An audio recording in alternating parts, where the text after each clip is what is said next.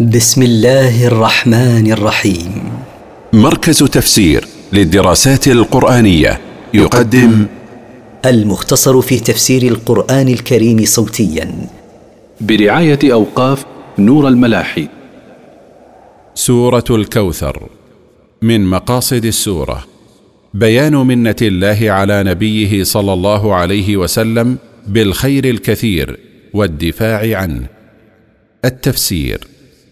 انا اعطيناك الكوثر.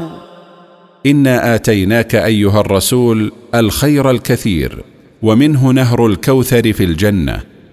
فصل لربك وانحر.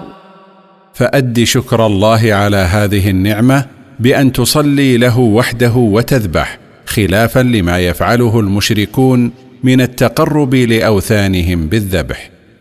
إن شانئك هو الأبتر. إن مبغضك هو المنقطع عن كل خير المنسي الذي إن ذكر ذكر بسوء.